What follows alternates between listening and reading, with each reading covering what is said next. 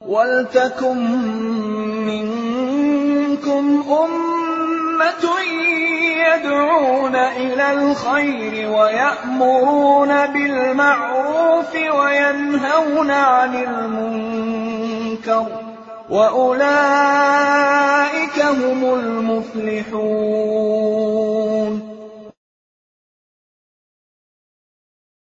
بسم الله الرحمن الرحيم. الحمد لله وصلى الله وسلم على رسول الله وعلى آله وأصحابه ومن اهتدى بهداه.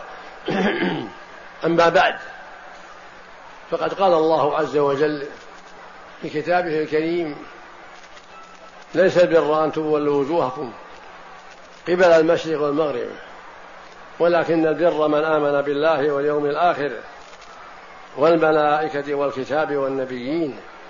وآتى المال على حبه ذوي القربى واليتامى والمساكين وابن السبيل والسائلين وفي الرقاب وأقام الصلاة وآتى الزكاة.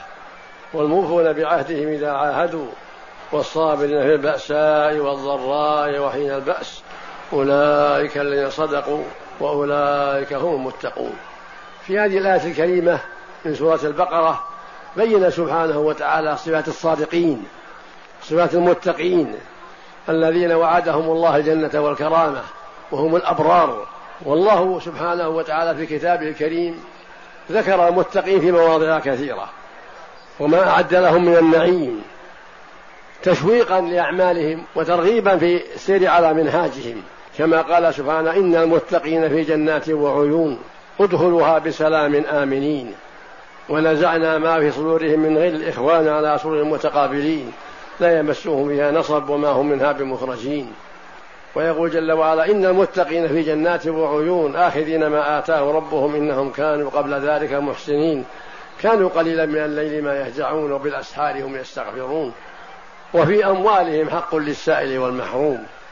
في آيات كثيرات ذكر فيها صفات المتقين وما أعد الله لهم من الكرامة. وفي هذه الآية من سورة البقرة فصل بعض أعمالهم بل جملة من أعمالهم فقال ولكن البر من آمن بالله واليوم الآخر. في الآية الأخرى ولكن البر من اتقى. فالمتقي والبر ولكن البر يعني ولكن ذا البر وذا التقوى من آمن بالله واليوم الآخر. والملائكة والكتاب والنبيين. فالأبرار المتقون هم الذين آمنوا بالله. وأنه إلههم الحق ومعبودهم الحق وخصوه بالعبادة وأخلصوا له العبادة وآمنوا بكل ما أخبر به سبحانه من أمر الآخرة والجنة والنار والحساب والجزاء وغير ذلك مما أخبر به أو أخبر به رسوله عليه الصلاة والسلام. هؤلاء هم الأبرار المتقون. وهذا الإيمان أثمر لهم جميع الأعمال الصالحات. فآمنوا بالملائكة وبالكتب وبالنبيين وباليوم الآخر وبالقدر خيره وشره هكذا الإيمان الصادق. يتضمن الإيمان باليوم الآخر والبعث والنشور والإيمان بالملائكة وهم عباد مكرمون. خلقهم الله من النور. قال في حقهم جل وعلا بل عباد مكرمون. لا يسبقونه بالقول وهم بأمره يعملون. يعلم ما بين أيديهم وما خلفهم ولا يشفعون إلا لمن ارتضى وهم من خشيته مشفقون. هؤلاء الملائكة. وآمنوا أيضا بالنبيين جميعا والمرسلين. هكذا المتقون الأبرار. آمنوا بجميع الرسل والأنبياء من آدم ونوح وإبراهيم وموسى وعيسى وهود وصالح وغيرهم ممن ذكر الله في كتابه العظيم وذكره رسوله صلى الله عليه وسلم. وأن الله أرسل رسلا وأوحى إلى أنبياء دعوتهم واحدة وهي الدعوة إلى توحيد الله وطاعة الله وترك معصيته. هذه دعوة الرسل. ولقد بعثنا في كل أمة رسولا أن يعبدوا الله واجتنبوا الطاغوت. فالمؤمنون الأتقياء الأبرار يصدقون بهذا كله. باليوم الآخر وبالملائكة ومنهم جبرائيل ومنهم ميكائيل ومنهم إسرافيل ومنهم ملك الموت ومنهم الحفظة الذين معنا. كما قال في حقهم سبحانه وإن عليكم لحافظين. كراما كاتبين يعلمون ما تفعلون. هذه ملائكة مع العباد. يحفظون أعمالهم. خيرها وشرها. وإن عليكم لحافظين. كراما كاتبين يعلمون ما تفعلون. ويكتبونه كما في الآية الأخرى ما يلفظ من قول إلا لديه رقيب عتيد. فأنت يا عبد الله عليك ملائكة. تحفظ أعمالك. فاتق الله. واحذر أن تملي عليهم ما يضرك. احرص أن تملي ما ينفعك من طاعة الله وذكره واحذر أن تملي عليهم ما يضرك من المعاصي.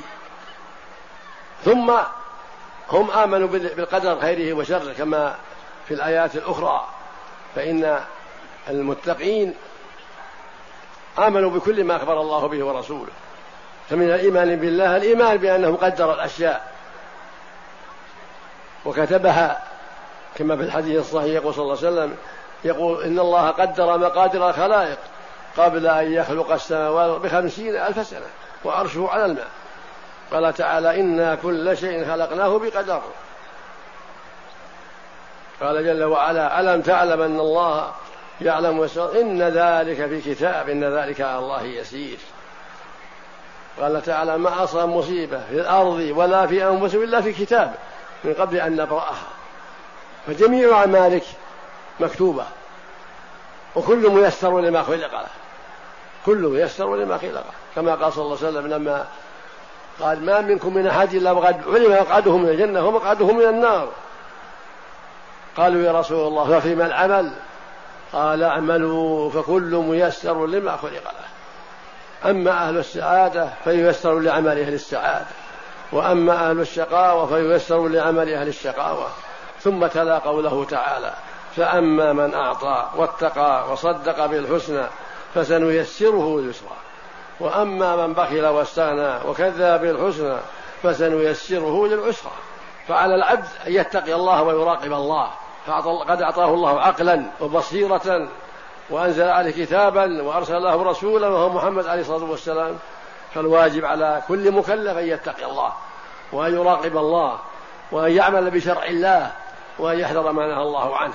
أينما كان؟ ومن صفات المتقين وآتى المال على حبه مع إيمانهم بالله واليوم الآخر والملائكة والكتاب والنبيين وبالقدر خيره وشره هم أيضا يعملون. ولهذا قال وآتى المال يعني يعطى المال. يعني المؤمنون يصدقون ينفقون من المال من الزكاة وغيرها. آتى المال على حبه ذوي القربى. المال محبوب للإنسان. لكن المتقين ينفقون الأموال في سبيل الله يرجون ثواب الله ويخشون عقابه من الزكاة وغيرها. وآتى المال على حبه ذوي القربى واليتامى والمساكين وابن السبيل والسائلين وفي الرقاب. ينفقون. هكذا المتقون هكذا المؤمنون ينفقون. في أقربائهم صلة الرحم من إخوة وأخوات وأعمام وعمات وأخوال وخالات وغيرهم يحسنون إليهم. ويصدقون عليهم ويصلونهم ولا سيما مع الحاجة. وهكذا المساكين هم الفقراء الذين عندهم بعض الشيء لكن ليس عندهم تمام النفقة وهم المساكين يحسنون إليهم. ويدخل فيهم الفقراء إذا أطلق المسكين أما جميع الفقراء. فكل فقير يسمى مسكين كل مسكين يسمى فقير. وإذا اجتمع فالفقير هو الأشد حاجة ليس عنده الكفاية والمسكين عنده بعضها كما في في آية الصدقة إنما الصدقات للفقراء والمساكين. فالفقير أشد حاجة وكل وكلهم فقراء محتاجون لكن الفقير أشد حاجة. فالمؤمنون يصدقون ويحسنون في الفقراء والمساكين من الزكاة وغيرها. ويصدقون اليتامى أيضا. وهم من لا أب لهم يتيم الصغير الذي ليس له أب فهو يقال له يتيم حتى يبلغ. فإذا بلغ زال عنه اليتم. فالغالب أنهم محاوي يعطون اليتامى يعطون من الزكاة وغيرها إذا كانوا محاوي إذا كانوا فقراء. وهكذا المساكين والسائلين ليشهد يسأل. قد يكون فقير وأنت لا تدري من يسأل يعطى.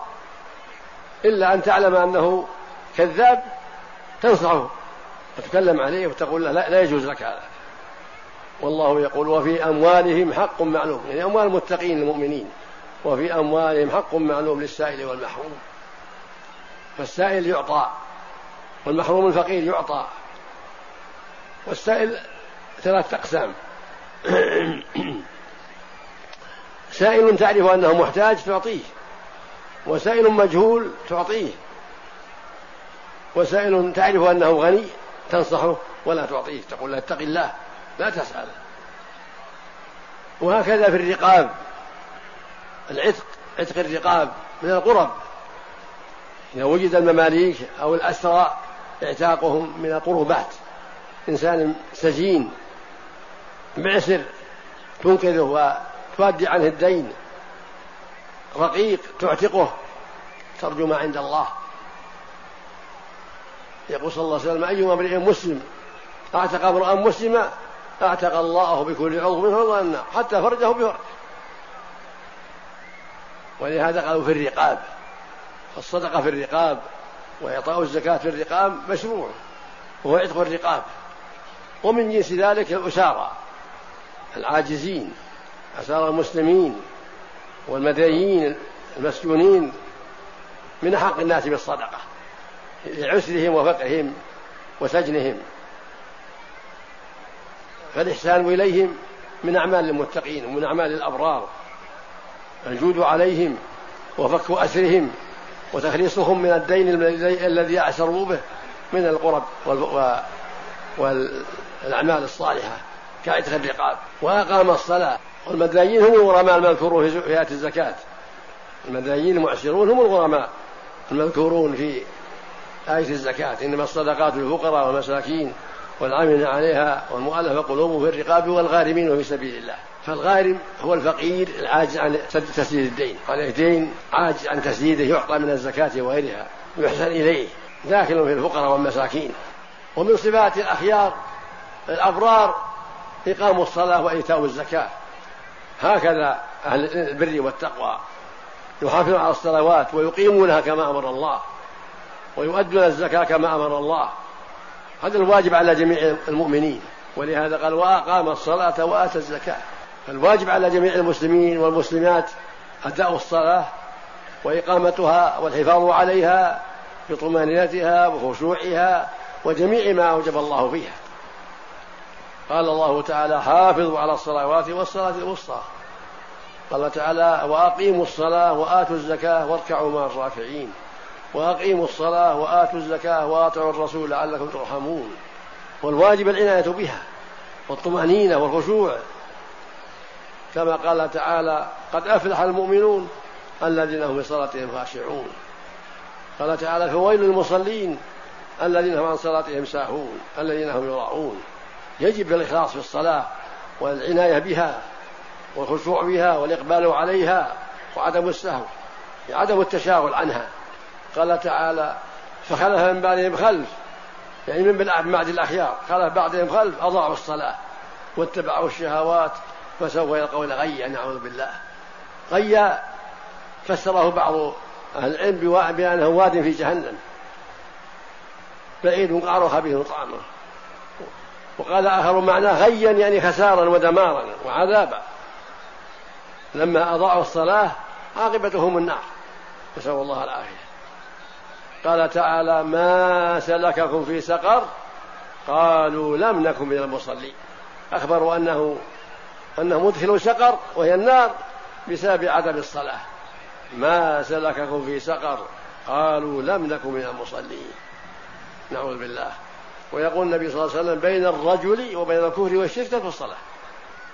ويقول صلى الله عليه وسلم العهد الذي بيننا وبينهم الصلاة فمن تركها فقد كفر. ويقول صلى الله عليه وسلم رأس الأمر الإسلام وعموده الصلاة. ولهذا قال في صفة الأخيار وأقام الصلاة وآتى الزكاة. هذه صفة الأبرار والمتقين والمؤمنين. الحفاظ على الصلاة وإقامتها في الجماعة في أوقاتها كما شرع الله. والمرأة تقيمها في البيت أفضل لها البيت تقيمها في البيت وتحافظ عليها بخشوع وطمأنينة كل وقت وقته تحافظ عليها وتطمئن ولا تعجل ولا تنقر وهكذا الرجل يطمئن فيها ولا ينقرها. في الحديث الصحيح صلى الله عليه وسلم أسوأ الناس سرقة الذي يسرق صلاته. قيل يا رسول الله كيف يسرق صلاته؟ قال لا يتم ركوعها ولا سجودها. فالواجب العناية بالصلاة وإتمامها وإكمالها فرضا أو نفلا.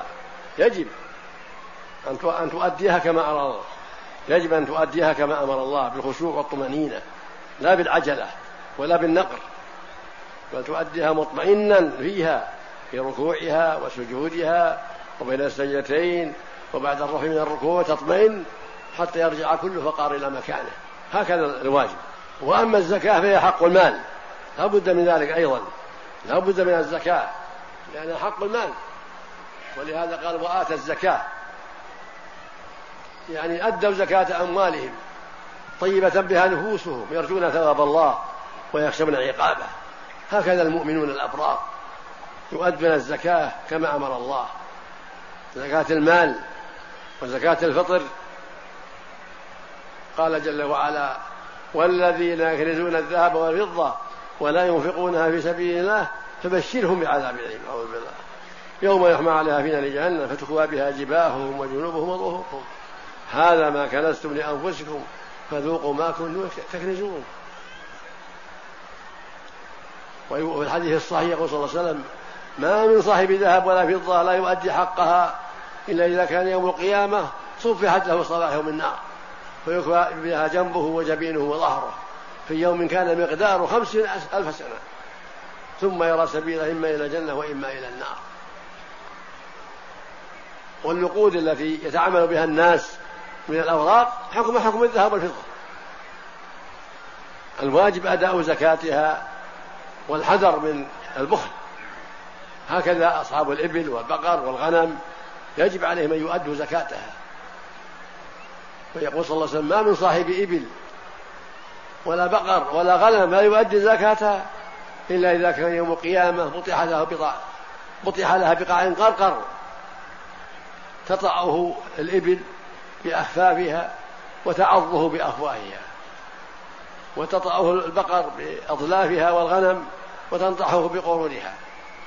كلما مرت عليه أخراها عادت عليه أولاها في يوم كان مقداره خمسين ألف سنة. ثم يرى سبيله إما إلى الجنة وإما إلى النار نسأل الله.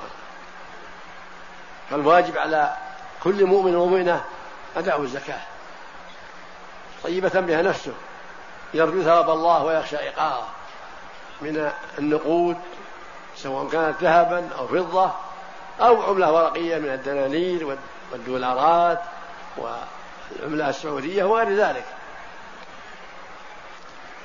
وهكذا عروض التجارة.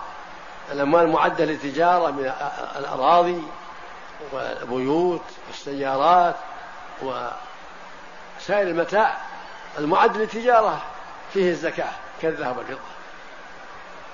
كل ما حال الحول تؤدى زكاته وهي ربع العشر. سهم من أربعين ربع العشر.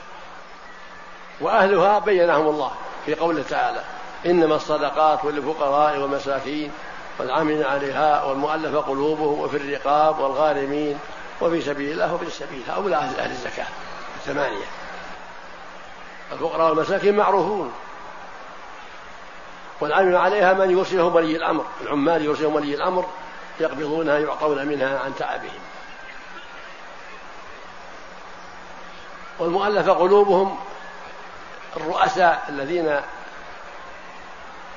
يتألفون على إيمانهم وتقواهم لله كرؤساء العشائر وأشباههم وحدثاء العهد بالإسلام الذي يخشى عليهم من الردة يتألفون يعطون من المال من الزكاة وغيرها حتى يقوى إيمانهم ويقوى إسلامهم ويسلم نظراؤهم. وفي الرقاب العتق ومن جنس العتق إخلاص تخليص الغارمين الفقراء المعسرون والأسرى من جنس العتق ولهذا قال بعده والغارمين يعني أهل الدين المعسرون. فالأسرى الذين لا يطلقون إلا بمال فدية كالرقاب. أسرى المسلمين عند الأعداء يطلقون ولو من الزكاة. وهكذا الغارمون وهم المدايين المعسرون. إذا كانوا غرماء عليهم دين معسرون يعطون الزكاة لسد غرامتهم وفي سبيل الله الجهاد في سبيل الله. يعطى غزاة ما يعينهم على جهادهم. وابن السبيل الذي يمر بالبلد وليس من أهلها ويحتاج. تضيع نفقته أو تسرق نفقته أو تنفد. يعطى ما يوصل إلى بلاده. إنسان مر بك في مكة في جدة. وهو يريد الرياض يريد, يريد القصيم يريد هايل يريد الشام يريد وهو فقير. ضاعت نفقته ما عنده شيء تعطيه. هذا قال له ابن السبيل من الطريق. ولو كان في بلاده عنده ساعة لكن ما عنده شيء الآن يعطى ما يوصله إلى بلده. وهذا هو ابن السبيل الذي تسرق نفقته أو تنفد أو أو تضيع في الطريق. ويشكو حاله يعطى ما يوصله إلى بلاده ثم قال جل وعلا والموفون بعهدهم إذا عاهدوا. هؤلاء من من هذه من صفات الأخيار من صفات الأبرار المتقين الصادقين الوفاء بالعهود. ليسوا من أهل الغدر. إذا عاهدوا وفوا. قال تعالى وأوفوا بالعهد إن العهد كان مسؤولا. وأوفوا بعهد الله إذا عاهدتم. ومن صفات المنافقين الغدر في العهود. الواجب على المؤمن أن يحذر صفاتهم وأخلاقهم. ولهذا قال والموفون بعهدهم إذا عاهدوا. إذا أعطوا عهدا بينهم وبين عدوهم لم يغدروا. بل يكون والصابرين في البأساء والضراء وحين البأس هذه من صفات الأخيار المتقين. الصبر في البأساء والضراء. في البأساء الفقر والحاجة والضراء المرض والجراحات ونحوها وحين البأس حين القتال حين الحرب صبر هكذا المؤمن في الحالات الثلاث. عند الفقر صبور لا جلس بجزوع. وعند تصيبه الأمراض أو الجراحات صب صبور أيضا ليس بجزوع. وهكذا عند الحرب ولقاء الأعداء. صبور يصبر في لقاء الأعداء والقتال يرجو الشهادة ويرجو نصر دين الله. ولهذا قال سبحانه والصابر في البأساء يعني من صفاتهم أنهم صبروا في البأساء والضراء من صفات المتقين. فالمؤمن صبور عند البلاء شكور عند الرخاء. فإذا ابتلي بالمرض أو الفقر لم يجزع. صبر وجاهد نفسه وسأل ربه العافية ولم يجزع. وإذا أناه الله شكر وأنفق المال هكذا المؤمن. في الحديث الصحيح يقول النبي صلى الله عليه وسلم عجبا لأمر المؤمن إن أمره كله خير إن أمره له كله خير. إن أصابته ضر أو صبر فكان خيرا له وإن أصابته سر أو شكر فكان خيرا له. وليس ذلك لأحد إلا المؤمن. هذه صفة المؤمن. صبور عند البلاء شكور عند الرخاء. إن أصابته جراحات أو مرض أو فقر صبر واحتسب وجاهد نفسه ولم يجزع وإن رزقه الله صحة وعافية ومالا شكر فهو صبور عند البلاء شكور عند الرخاء. هذا هكذا مؤمن. ولهذا يقول صلى الله عليه وسلم عجبا لأمر المؤمن إن أمره كله له خير. إن أصابته ضراء صبر فكان خيرا له وإن أصابته سراء شكر فكان خيرا له. وليس ذلك لأحد إلا المؤمن فهو صبور عند البلاء شكور عند الرخاء ويقول في هذه الآية في مدح المؤمنين المتقين والصابرين في البأساء والضراء وحين البأس. صبر في فقرهم ومرضهم وفي جهادهم صبر. لا يفر من العدو عند البأس ولا يزعون عند المرض ولا يزعون عند الفقر. بل صبروا في هذا كله. قال في حقهم سبحانه أولئك الذين صدقوا وأولئك هم يعني هؤلاء الذين هذه أعمالهم هم الصادقون هم المتقون هم المؤمنون. يعني هم أهل الإيمان الصادق الكامل وأهل التقوى. لأعمالهم الطيبة. وخصالهم الحميدة. أولئك من صدقوا وأولئك هم المتقون. فعلى المؤمن أن يحاسب نفسه. والمؤمن كذلك. كل واحد يحاسب نفسه. حتى يأخذ بأعمال الخير. حتى يجاهدها في أعمال الخير. فيؤدي ما أوجب الله عليه من صلاة وزكاة وغيرها. ويدع ما حرم الله عليه. وهو في جهاد وحساب نفسه. وهذه الدار هي دار العمل. وهي دار المجاهدة. قال تعالى والذين جاهدوا فينا لنهدينهم سبلنا. وإن الله لمع المحسنين جاهدوا أنفسهم في الله حتى استقاموا على الحق. هذه دار المجاهدة. تجاهد نفسك حتى تؤدي الواجب حتى تصلي كما أمر الله حتى تبكي كما أمر الله تصوم كما أمر الله تحج كما أمر الله تبر والديك كما أمر الله تأمر بالمعروف تنهى المنكر كما أمر الله إلى غير ذلك. تدع ما حرم الله عليك. هذه دار المجاهدة. ولنبلونكم إن نختبرنكم حتى حتى المجاهدين من الصابرين ونبلو أخباركم. فالإنسان يبتلى في أسباب كثيرة. قد يبتلى بأولاده قد يبتلى بجيرانه قد قد يبتلى بأصحابه في البلد أو في السفر قد يبتلى بالغنى قد يبتلى بالفقر قد يبتلى بغير ذلك. ولنبلونكم حتى نعلم المجاهدين والصابرين ونبلو أخباركم يبتلى. كما قال جل وعلا لا أخرى ونبلوكم بالشر والخير فتنة هذه الدار دار الابتلاء والامتحان ودار العمل. وقال سبحانه ولنبلونكم بشيء من الخوف والجوع ونقص من الأموال والأنفس والثمرات وبشر الصابرين. الذين إذا أصابتهم مصيبة قالوا إنا لله وإنا إليه راجعون. أولئك عليهم صلوات من ربهم ورحمة. وأولئك هم المهتدون. فأنت يا عبد الله عند البلية اصبر. مرض أو جراحات أو فقر أو ابتليت بالمال جاهد نفسك. عند الفقر والحاجة والجراحات اصبر واحتسب. وعند الغنى جاهد نفسك في أداء الواجب والجود والكرم. وفي مقام الجهاد اصبر أيضا حين الباس فلك الفضل العظيم والاجر الكبير. ومما يتعلق بالزكاة زكاة العروض والحلي زكاة الأموال التي للتجارة كما تقدم مساكن سيارات أراضي أمتعة. هذه كلها زكاة ما دام معدة للتجارة كلها زكاة. إذا حال الحول تزكى قيمتها على حسب قيمتها عند تمام الحول. إذا كانت مئة ألف ربع العشرة هي ورث أربعين ألف ربع عشر ألف واحد. وهكذا في المئة اثنان ونصف والحلي من الذهب والفضة حلي النساء كذلك تزكى على الصحيح. اختلف العلماء فيها. بعضهم رأى أنها لا زكاة فيها والصواب فيها الزكاة لعموم الأدلة. ما من صاحب ذهب ولا فضة لا يؤدي حقه إلا إذا كان يوم في هذا صاحب النار.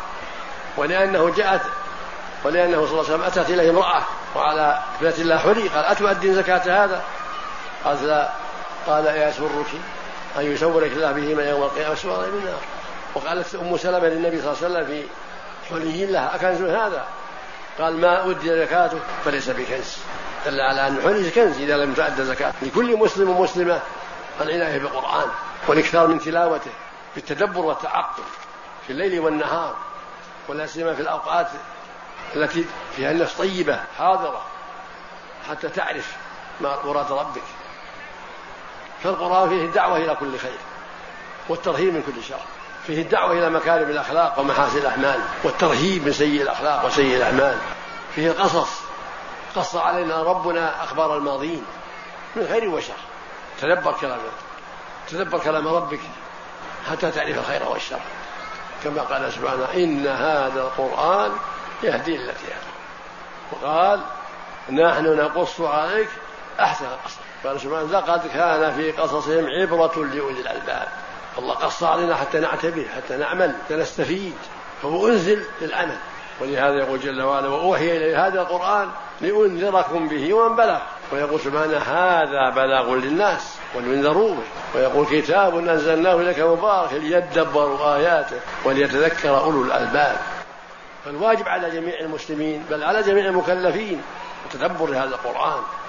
وسنة الرسول صلى الله عليه وسلم الصحيحة التدبر والتعقل والتواصي حتى تعمل بما أوجب الله وحتى تدع ما حرم الله. ومع هذا لك بكل حرف حسنة. والحسنة بعشر أمثاله إذا قرأت كتاب الله لك بكل حرف حسنة. والحسنة بعشر أمثاله فضل عظيم مع العلم. ويقول النبي صلى الله عليه وسلم اقرأوا هذا القرآن فإنه يأتي شفيعا لأصحابه يوم القيامة. هذا فضل عظيم. تقرأه تتدبر وتعقل وتستفيد من كلام ربك ربك يقص عليك أخبار ماضين. الطيبة وغير الطيبة. يقص عليك أخبار المؤمنين وأخبار الصادقين وأخبار الأنبياء والناجين حتى تأخذ بها حتى تعمل. ويقص عليك ربنا أخبار الهالكين والمعذبين حتى تحذر أعمالهم وتبتعد عن أعمالهم. يأمرك وينهاك حتى تأخذ بالأمر وتنتهي عن النهي. هذا الكتاب العظيم فيه الهدى والنور فيه الهدى والنور. ولما خطب الناس صلى الله عليه وسلم يوم عرفة في حجة الوداع. قال عليه الصلاة والسلام إني تارك فيكم ما لن تضلوا. إن اعتصمتم بكتاب الله. إني تارك فيكم ما لن تضلوا. إن اعتصمتم بكتاب الله. وفي اللفظ الآخر كتاب الله وسنتي. كتاب الله فيه الدعوة إلى طاعة الرسول صلى الله عليه وسلم. من اعتصم بكتاب الله واعتصم بالسنة. لأن في القرآن يقول أطيعوا الله وأطيعوا الرسول من يطع الرسول فقد أطاع الله. فمن اعتصم بالقرآن وأخذ به واستقام عليه لن يهلك ولن يضل. إنما يأتي الضلال والهلاك عند الإعراض عن كتاب الله وعند الغفلة والله عن كتاب الله وعدم العمل. أما من أقبل على كتاب الله وعمل به فإنه لن يضل بل سوف يهديه الله ويوفقه. نسأل الله يوفقنا وإياكم العلم النافع والعمل الصالح. نسأل الله يمنحنا وإياكم الفقه في كتابه وتدبر له والعناية به والعمل به فيه. كما نسأله أيضا أن يوفقنا جميعا لفقه سنة الرسول صلى الله عليه وسلم والعمل بها والدعوة إلى كتاب الله وسنة رسوله عليه الصلاة والسلام والتواصي بذلك والتعاون في ذلك. كما نسأله سبحانه أن يصلح أحوال المسلمين في كل مكان. نسأل الله يصلح في كل مكان وأن يمنحهم الفقه في الدين وأن يولي عليهم خيارهم ويصلح قادتهم وأن يوفق ولاة أمرنا في هذه البلاد. نسأل الله يوفقهم لكل خير وأن يعينهم على كل خير وأن يوفقهم لما فيه صلاح العباد والبلاد وأن ينصر بهم دينه ويعلي بهم كلمته وأن يجعلنا وإياكم وإياهم من الهداة المهتدين. إنه سبحانه سميع قريب. وصلى الله وسلم وبارك على عبده ورسوله نبينا محمد وعلى آله وأصحابه وأتباعه. جزاكم الله خيرا وأحسن الله إليكم. نرجو الله سبحانه وتعالى أن ينفعنا بما سمعنا وأن يستجيب دعاءكم وأن يعظم أجركم ونستأذن سماحتكم في عرض ما تيسر من الأسئلة. السائل يقول سماحة الشيخ بعد السلام عليكم ورحمة الله وبركاته. نحن شباب. اختلفنا في مسألة في الصلاة. ما حكم تارك الصلاة كليا هل هو مخلد في النار؟ وما حكم تارك الصلاة مرة ويصلي مرة ويتركها مرة؟ هل هذا يعد من الكفار ومن المخلدين في النار؟ الرجاء تفضلكم بالإجابة. قد سبقت الإجابة عن هذا اليوم والبارحة. من ترك الصلاة فقد كفر. إن تركها كليا أو بعضها. هذا الصواب من أقوال العلماء. وإلا بجحد وجوبها. قال الله جل وعلا ما سلككم في سقر قالوا لم نكن من المصلين. فذكروا أول شيء أنهم ليسوا من المصلين. وقال النبي الكريم عليه الصلاة والسلام بين الرجل وبين الكفر والشرك ترك الصلاة. والكفر والشرك المعرف هو الكفر الأكبر والشرك الأكبر.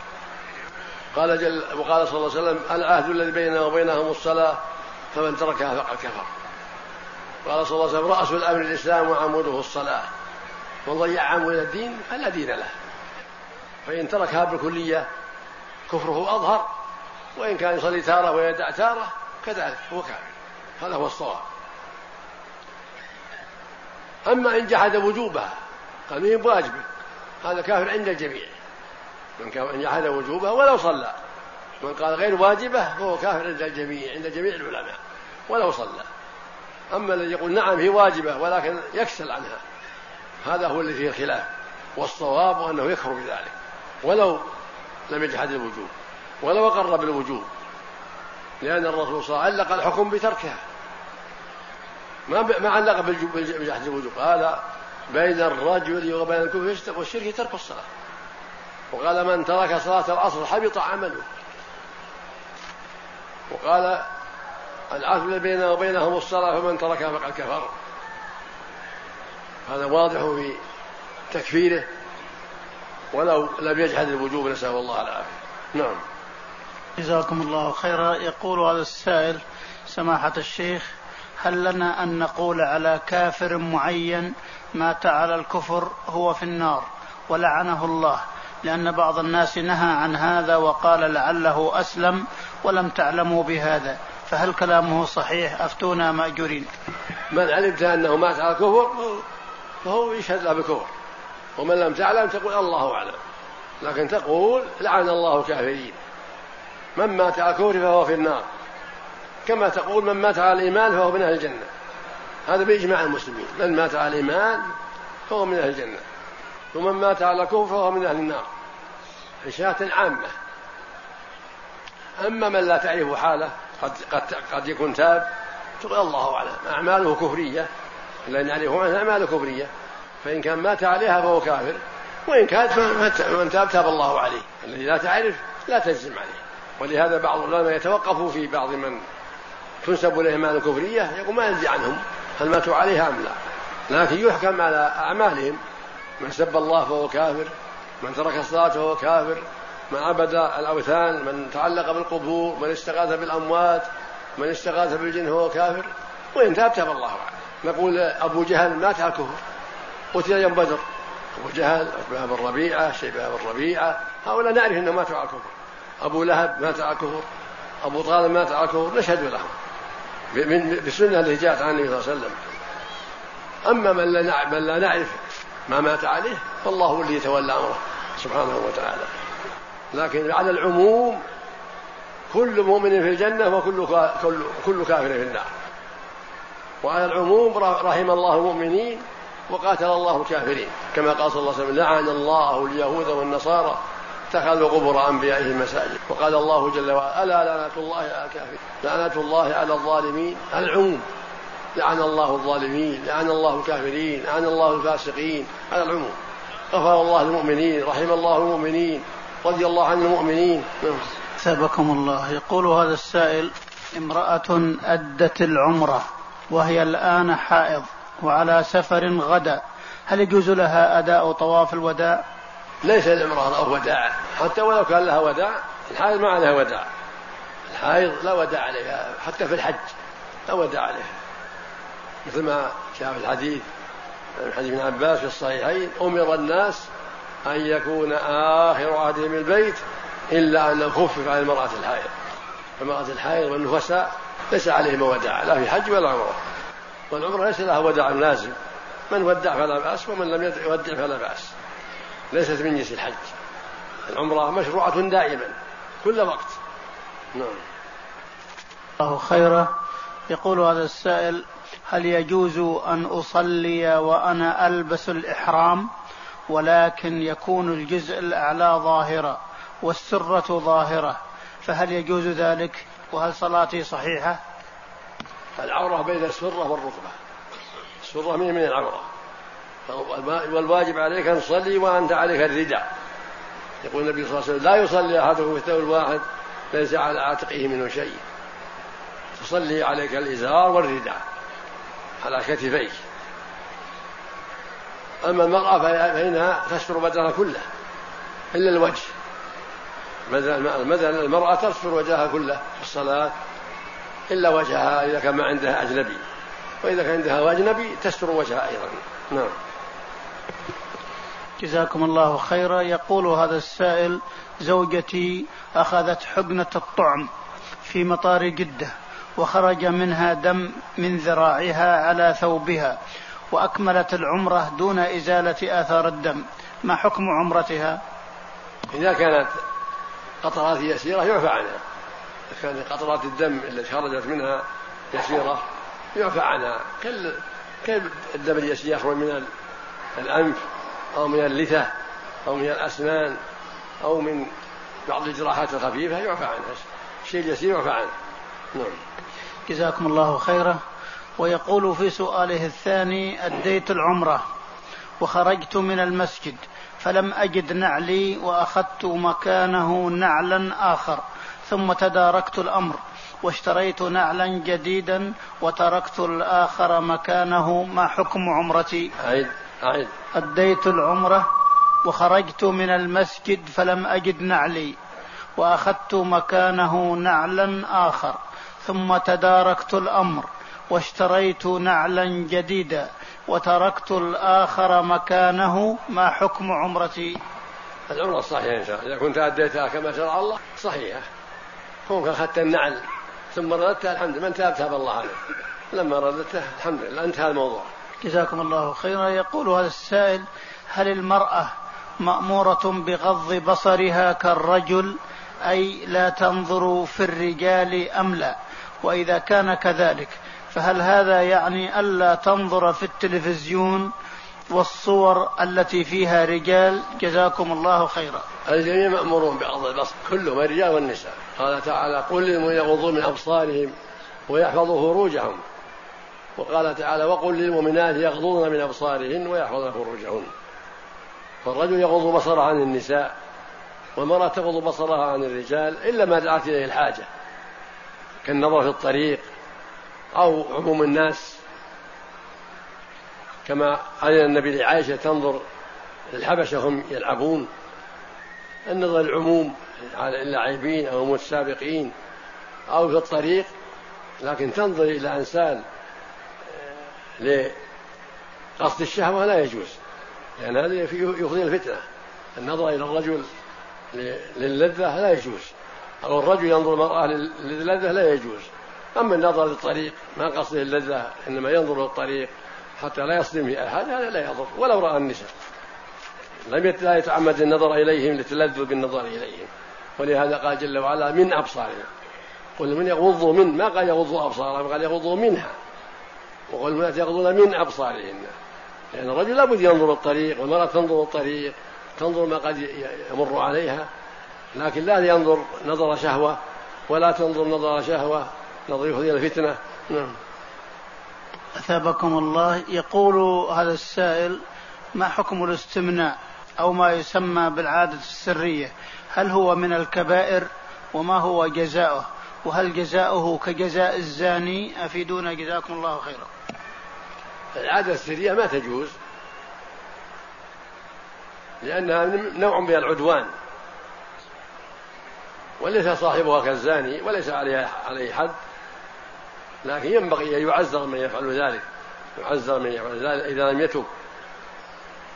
قال الله جل وعلا والذين هم لفروجهم حافظون إلا على أزواجهم أو ما ملكت أيمانهم فإنهم غير ملومين. فمن ابتغى وراء ذلك فأولئك هم العادون. هذه من العدوان. استعمال العادة السرية من العدوان فالواجب ترك ذلك. وإذا فعل في الصوم بطل صومه. وإذا كان سرا بينه وبين ربه فعليه التوبة إلى الله. ولا يجوز إظهار ذلك والدعوة إليه. ومن فعل ذلك استحق أن يعزر نعم.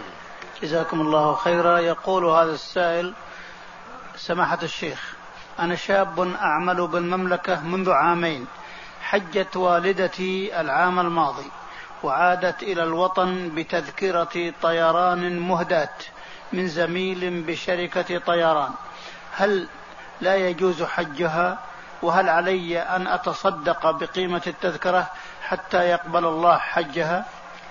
لا حجها صحيح إن شاء الله وقيمة التذكرة كان اللي أعطاها إياه تذكرة شرعية فلا بأس محسن. وإن كان خاين في تذكرة فعليه التوبة وهي عليها التوبة إن كان تعلم. أما إذا كان إنسان عنده تذكرة واستغنى عنها وأعطاها إياه أو اشتراها له من كيسه من باب المساعدة فلا بأس. أما إذا كانت خيانة فلا يجوز عليه على كل منهم التوبة والعبرة الصحيحة ولا يضر ذلك.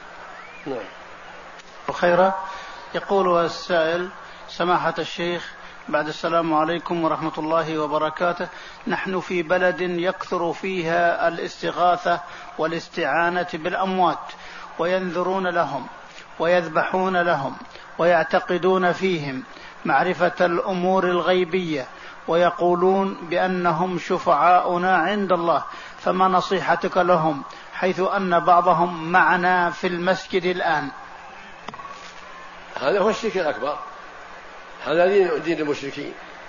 دعوة الأموات والاستغاثة بالأموات والنذر لهم والذبح لهم هذا دين المشركين. دين أبي جهل وأشباهه. هذا الشرك الأكبر نعوذ بالله. يقولون ما نعبدهم إلا ليقربون الله زلفى. ويقول الله عنهم ويعبدون ما لا يضرهم ولا ينفعهم ويقولون هؤلاء شفعاؤنا عندهم هذا كلام المشركين. وهكذا ما يفعل عند البدوي أو الحسين من الدعاء والاستغاثة كله من الشرك الأكبر. عند نفيسة عند زينب عند الشيخ عبد القادر في العراق وأشبه. هذا من الشرك الأكبر. دعوة أصحاب القبور والاستغاثة بهم والنذر لهم والذبح لهم هذا الشرك الأكبر. هذا دين أبي جهل وأشباه فالواجب التوبة والندم والإقلاع والحذر وأن تكون العبادة لله وحده وليدعى. يقول رب اغفر لي أرحمني اللهم أغثني اللهم انصرني اللهم أدخلني الجنة اللهم انجي من النار اللهم أصلح ذريتي اللهم ارزقني من فضلك. يسأل ربه ما يسأل الأولياء ولا الملائكة ولا غيرهم. الله يقول ادعوني أستجب هو الغني الحميد سبحانه وتعالى. يقول ادعوني أستجب لكم. وإذا سألك عبادي عني فإني قريب. أجيب دعوة الداء إذا دعان ويقول سبحانه فلا تدعوا مع الله أحدا.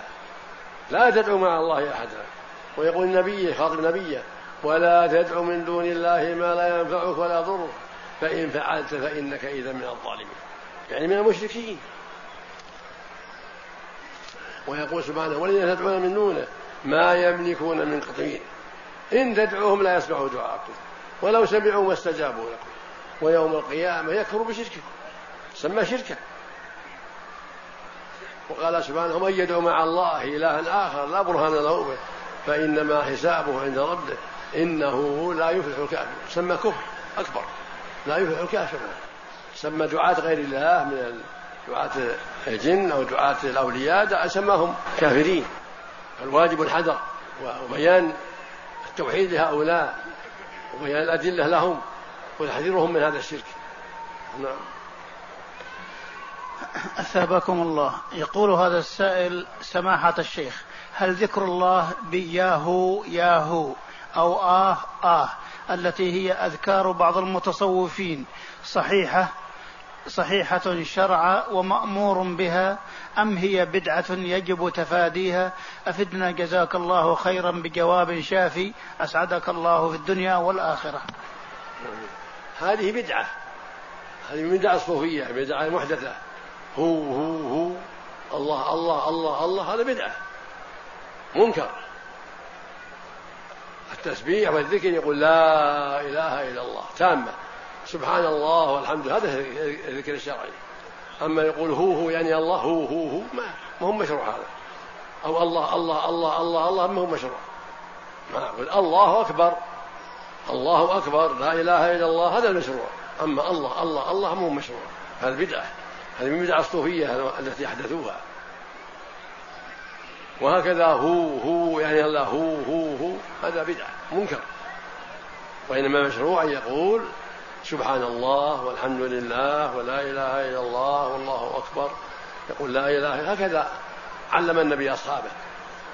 قال له عليه الصلاة والسلام قولوا لا إله إلا تفلحوا وقال أحب كلام الله أربع.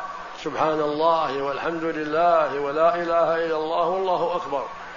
وقال الباقيات الصالحات سبحان الله والحمد لله ولا إله إلا الله والله أكبر ولا حول ولا قوة إلا هذا مشروع.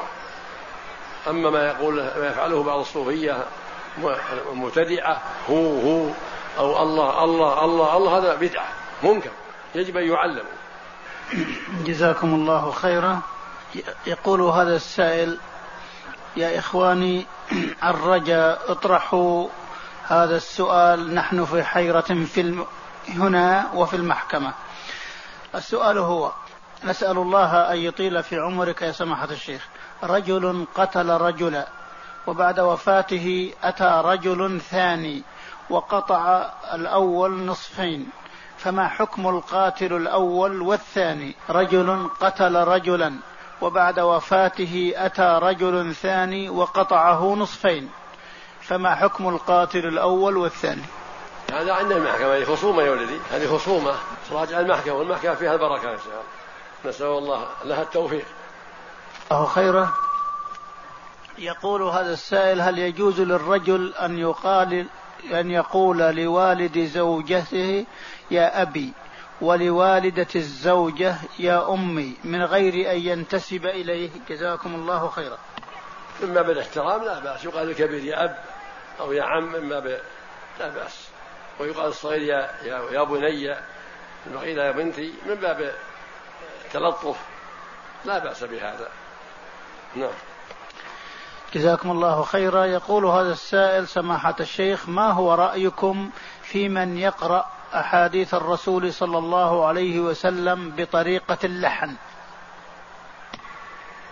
على كل حال الناس أقسام فيهم العامي وفيهم طالب العلم فالعامي قد يغلط في القراءة لكن طالب العلم يقرأ يجب أن يقرأها باللغة العربية ولا يلحن يجب أن يتحرى في ألفاظ الرسول صلى الله عليه وسلم أن يقرأها على الطريقة المعروفة وهي حسب اللغة العربية في المرفوع والمنصوب وغير ذلك.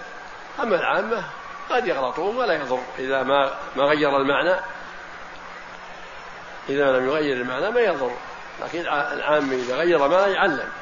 أما إذا ما غير معنى نصب أو رفع ولا غير معنى مثل قال الدين النصيحة. ما ما عامي ما الواجب الدين النصيحة. أو قال الأعمال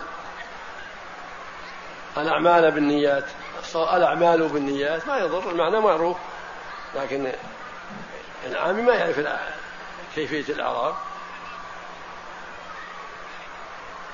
فالحاصل أن إذا أدى المعنى ما يضره ولكن طالب العلم يأتي بألفاظ الرسول الرسول صلى الله عليه وسلم على الطريقة التي جاءت بها اللغة العربية على الطريقة السليمة.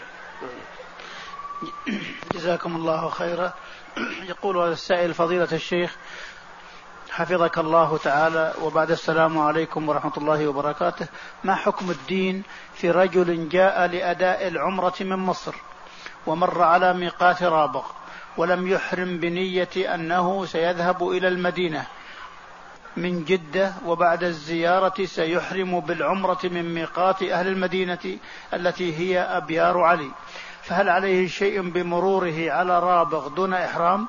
وهل إذا رجع إلى رابغ من جدة وأحرم من هناك ودخل مكة أولا كما أخبرني بعض الناس فهل هذا صحيح؟ أفيدوني مأجورين إذا كان قصد المدينة يأجل إحرامه من المدينة من من أبيض علي أما إذا كان قصد مكة وحرم من فإنه يحرم من الميقات اللي مر عليه من الجحفة. يعني رابع. أما إذا كان لا لما يريد المدينة يبدأ بها يقصد المدينة ثم يحرم من ميقات المدينة. فلو أراد ذلك ولكن لما أراد السفر المدينة منع. لأن الوقت ضيق. يحرم مكانه والحمد لله. اللي منع منه يحرم مكانه. إذا كان في خارج الحرم يخرج من يحرم من مكانه. منعه في جدة يحرم من جدة. لأن معذور حين أتى جدة ما قصد إلا المدينة. فلما منع يحرم من جدة. المقصود أنه إذا أتى من بلاده قاصدا مكة يحرم من اللي يمر عليه. إذا مر الجحفة حرم من الجحفة. وإذا قصد المدينة يحرم من ميقات المدينة. أما إن قصد مكة فإنه لا يتجاوز الميقات يحرم ميقات اللي مر عليه الجحفة. أما إذا قصد المدينة لكن حيل بينه وبين المدينة يعني وصل جدة قيل ما لك سفر المدينة؟ ضاق الوقت منع يحرم من مكانه. يحرم بالحج من مكانه والحمد لله معذور. جزاكم الله خيرا. يقول هذا السائل فضيلة الشيخ حفظك الله وثبتك على دينه حتى تلقاه. عندي سؤال وهو أن كثيرا من الناس إذا كان عندهم غنم فمرض فمرضت واحدة من هذه الغنم مرضا شديدا حتى أنها لم تأكل العلف من شدة المرض أخذها صاحبها. وذهب بها إلى مكان فذبحها وتركها ولم يأكل منها شيئا ويقول أريد إراحتها من هذا المرض فهل هذا العمل صحيح أم لا؟ جزاكم الله خيرا. ما نعلم ما نعلم فيه شيء. إذا كان فيها حاجة إذا كان يمكن ينتبه يعطيها إياه. إن كان ما ينتفع بها فلا حرج في ذلك. إن خلاها حتى تموت فلا بأس وإن ذبحها فلا بأس. الأمر فيه واسع وإذا كان في يمكن أن ينتفع بها حتى يعطيه إياه. جزاكم الله خيرا. يقول هذا السائل جاء رجل من خارج البلاد لأداء العمرة ولكنه وصل إلى مكة بدون إحرام فسألني فقلت له اذهب إلى مسجد العمرة في التنعيم وأحرم من هناك ففعل وأدى العمرة ولكنه تبين لي فيما بعد أنني قد أخطأت فيما قلته له ولم أدله على الفدية.